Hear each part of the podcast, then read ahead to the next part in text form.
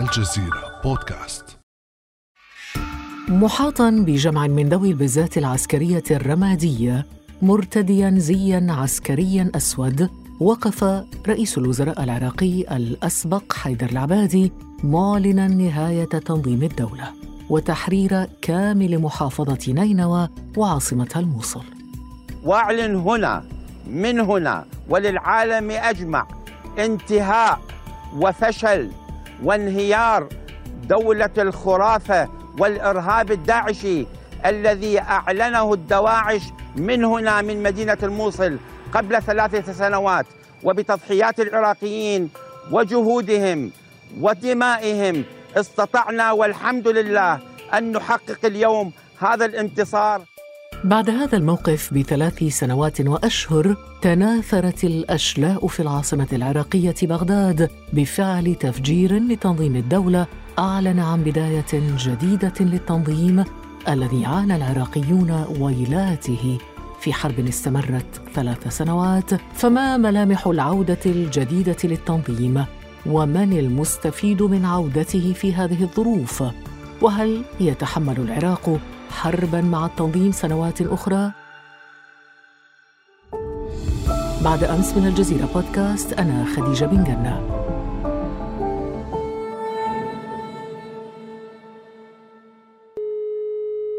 ونستضيف اليوم مسؤولا عراقيا سابقا عايش ميلاد التنظيم وحربه الأولى في العراق. نرحب بك الأستاذ أثيل نجيفي محافظ نينوى. كنت محافظا طبعا أيام ظهور تنظيم الدولة الإسلامية. نرحب بك. أهلا بك. أهلا وسهلا. أستاذ أثيل طبعا فقط بعد ثلاث سنوات وشهور معدودة من وقفة حيدر العبادي يعود التنظيم هذه المرة من جديد. أليست هذه الفترة قصيرة جدا حتى يلملم التنظيم أوراقه ويعود هكذا مرة أخرى؟ يعني الحقيقة أن وقفة السيد العبادي كانت دعائية أكثر منها حقيقية. فالتنظيم كان موجودا في بعض المناطق النائية في الأرض العراقية بالإضافة إلى وجوده في سوريا في تلك الفترة. ولهذا فأنا لا أعتقد أن يعني عندما أعلن السيد العبادي أن أنه تم القضاء على التنظيم أن التنظيم قد انتهى تماما وإنما انتهى من مدينة الموصل والمدن الكبيرة وبقي في أطراف أخرى. يعمل ولكن بطرق مختلفة. أستاذ نجيفي أنت كنت شاهدا على ولادة تنظيم الدولة الإسلامية. عندما ننظر في مشهدين مشهد من يرى نفسه خليفة ويخطب من على منبر مسجد كبير ويعلن دولة ومشهد انتحاريين متسللين يفجرون سوقا وسط فيه مدنيون. ألا يمكن أن نسأل هنا هل عاد تنظيم الدولة فعلا؟ يعني هناك اختلاف كبير بين وضع التنظيم في العراق في هذه المرحلة عن المرحلة السابقة. التنظيم في العراق فقد القاعدة الشعبية التي يستند إليها في المرحلة السابقة. ففي المرحلة الأولى استطاع التنظيم بناء علاقات وتعاون مع جميع فصائل المقاومة وكثير من القوى المقاطعة للعملية السياسية وأظهر نفسه على أنه جزء من ذلك الحراك المقاوم للاحتلال الأمريكي. ولم يكن يظهر نزعة عدوانية ولن تتكشف تلك النزعة العدوانية إلا بعد سيطرته على مساحات كبيرة من الأراضي العراقية والسورية. وهذا يعني أن بيئة المناطق السنية أصبحت بيئة معادية للتنظيم ولم يعد من السهولة على التنظيم التحرك في المدن والمناطق المزدحمة كما كان في السابق. وهذا يعني أيضا أن الحد الذي يطمح التنظيم للوصول إليه لم يعد كالسابق.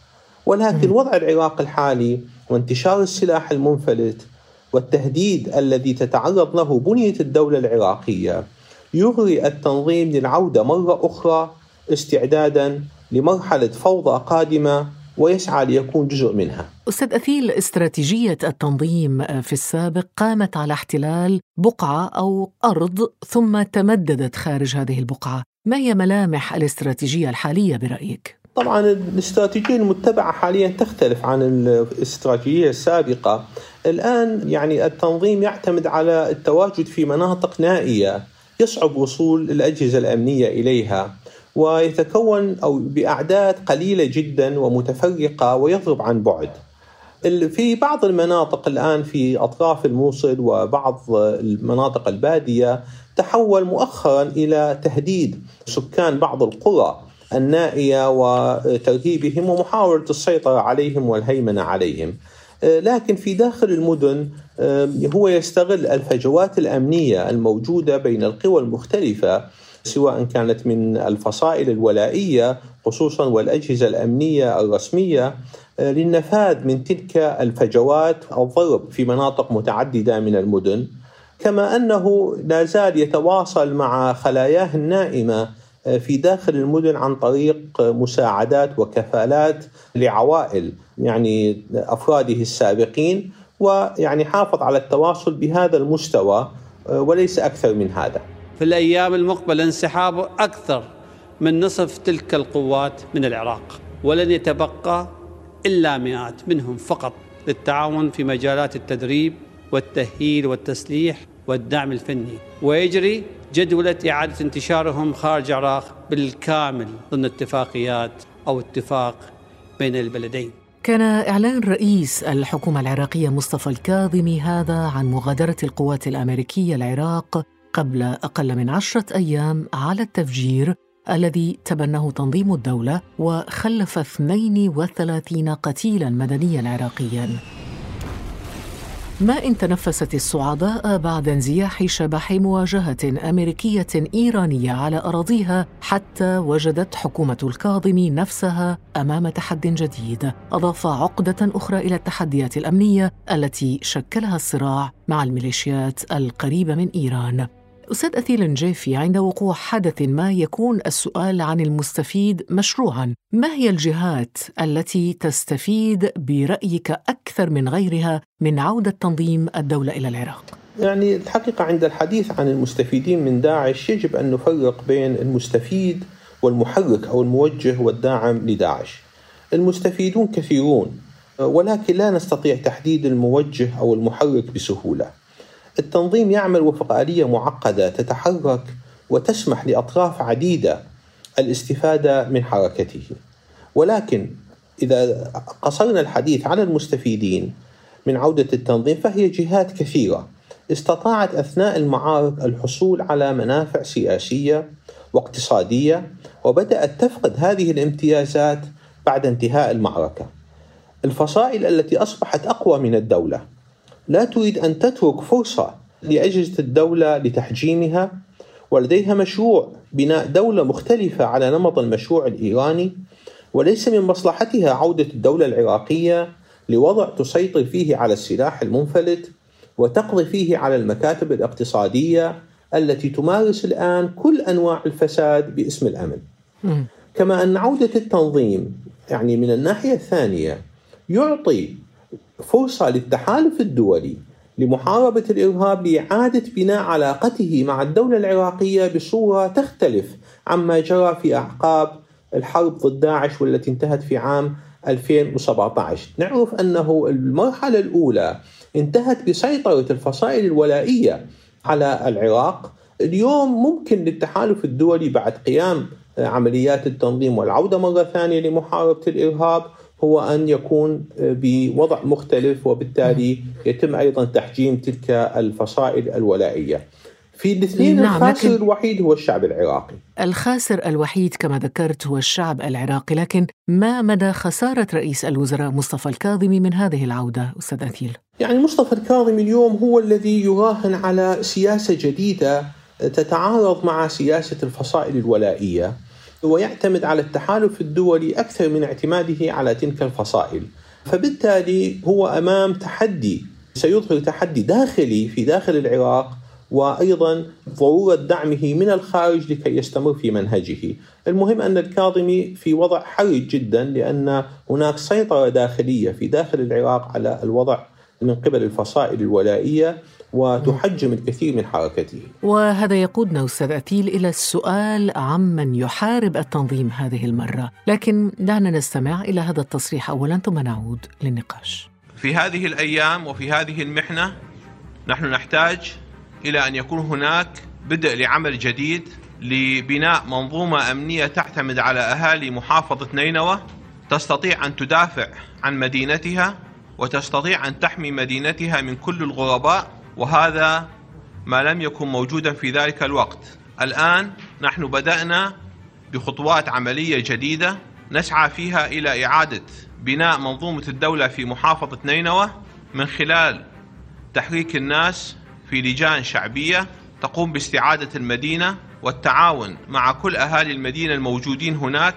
هدفنا هو إخراج داعش إخراج الجماعات الإرهابية حصرا أثيل النجيفي أكيد عرفت هذا الصوت نعم بالتأكيد. هذا صوتك. هل ما زلت تعتقد بأن حرب التنظيم تكون بأيدي الأهالي أنفسهم؟ نعم بالتأكيد هذا هو الخطأ الذي نحن نركز عليه بأن لم يتم القضاء على داعش بسبب اعتماد استراتيجية ليست يعني لا تريد القضاء على داعش قضاء نهائيا وإنما تريد إدامة هذه الحرب وإنشاء حالة جديدة، فنحن في تصورنا أن من البداية كان يجب الاعتماد على الأهالي وخصوصا في المناطق السنية لكي يكونوا هم راس الحربة في محاربة داعش وبالتالي يتم القضاء عليه قضاء مبرما، لكن مع الأسف كانت السياسة المتبعة هو اعتماد فصائل من خارج المناطق. وذلك لإنشاء فصائل ولائية تسيطر على العراق. فالهدف كان مختلفا ليس فقط القضاء على داعش.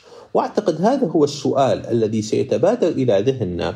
عندما نتحدث عن من سيحارب داعش الآن. طيب من سيحارب داعش؟ إذا الآن خصوصا أنه أضيف إلى كلامك أستاذ أثيل النجيفي أنه عند مجيء أو ظهور التنظيم عام 2014 كانت الحكومة العراقية وقتها مسنودة من حشد من الميليشيات المسلحة إضافة للأهالي. الآن معظم هذه القوات على خلاف مع الحكومة، اذا أعود إلى سؤالك الذي طرحته قبل قليل، من الذي سيحارب داعش ومن يساند الحكومة في حرب التنظيم هذه المرة في محاربة التنظيم؟ يعني هنا يجب أن نسأل السؤال بطريقة أخرى، ما هي استراتيجية الدولة العراقية في توجيه المعركة؟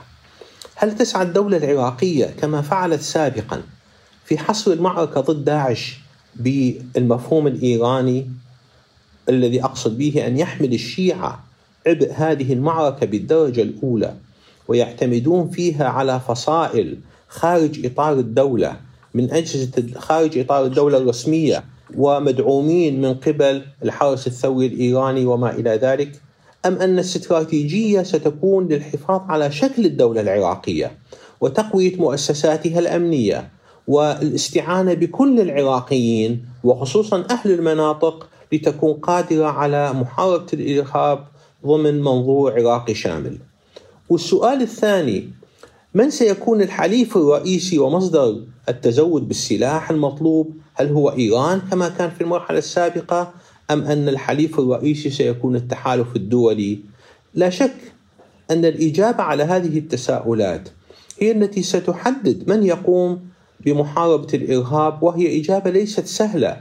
في ظل وضع سياسي تتصارع فيه قوتان.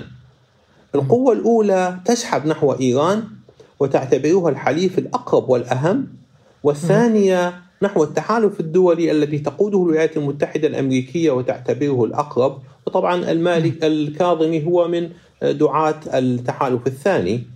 وأخطر طيب إذا كان من دعاة التحالف الثاني هل يكون من مصلحة العراق الآن أستاذ أتيل النجيفي إعادة النظر في مسألة مغادرة القوات الأمريكية؟ لا بالتأكيد أنا أعتقد هذا خطأ كبير يجب اليوم أن يكون إعادة بناء التحالف الدولي من جديد وموضوع مغادرة القوات الأمريكية ليس قرارا سياسيا بل هو قرار عسكري تفرضه الحالة الراهنة على العراق أن يعرف أو يقرر ماذا يحتاج من التحالف الدولي. العراق في تقديرنا يحتاج إلى الدعم الجوي يحتاج إلى الدعم الاستخباري يحتاج إلى دعم بالتدريب يحتاج إلى كثير من التحالف الدولي. ولكن أردت أن أضيف بأن أخطر حالة ممكن أن نقع فيها هو أن تستغل داعش هذه الفجوات الموجودة ما بين الجهات المؤيدة للمحاربة عن طريق النفوذ الإيراني والجهات المؤيدة للمحاربة عن طريق النفوذ أو التحالف الدولي وبهذا تستطيع داعش النفاذ إلى ضربات كبيرة وقاسية بين من خلال الفجوات بين الطرفين. أشكرك الأستاذ ذكي الأنجيفي محافظ نينوى سابقا. كنت محافظا لنينوى أيام ظهور تنظيم الدولة الإسلامية. شكرا جزيلا لك على كل هذه المعلومات. شكرا لك. كان هذا بعد أمس.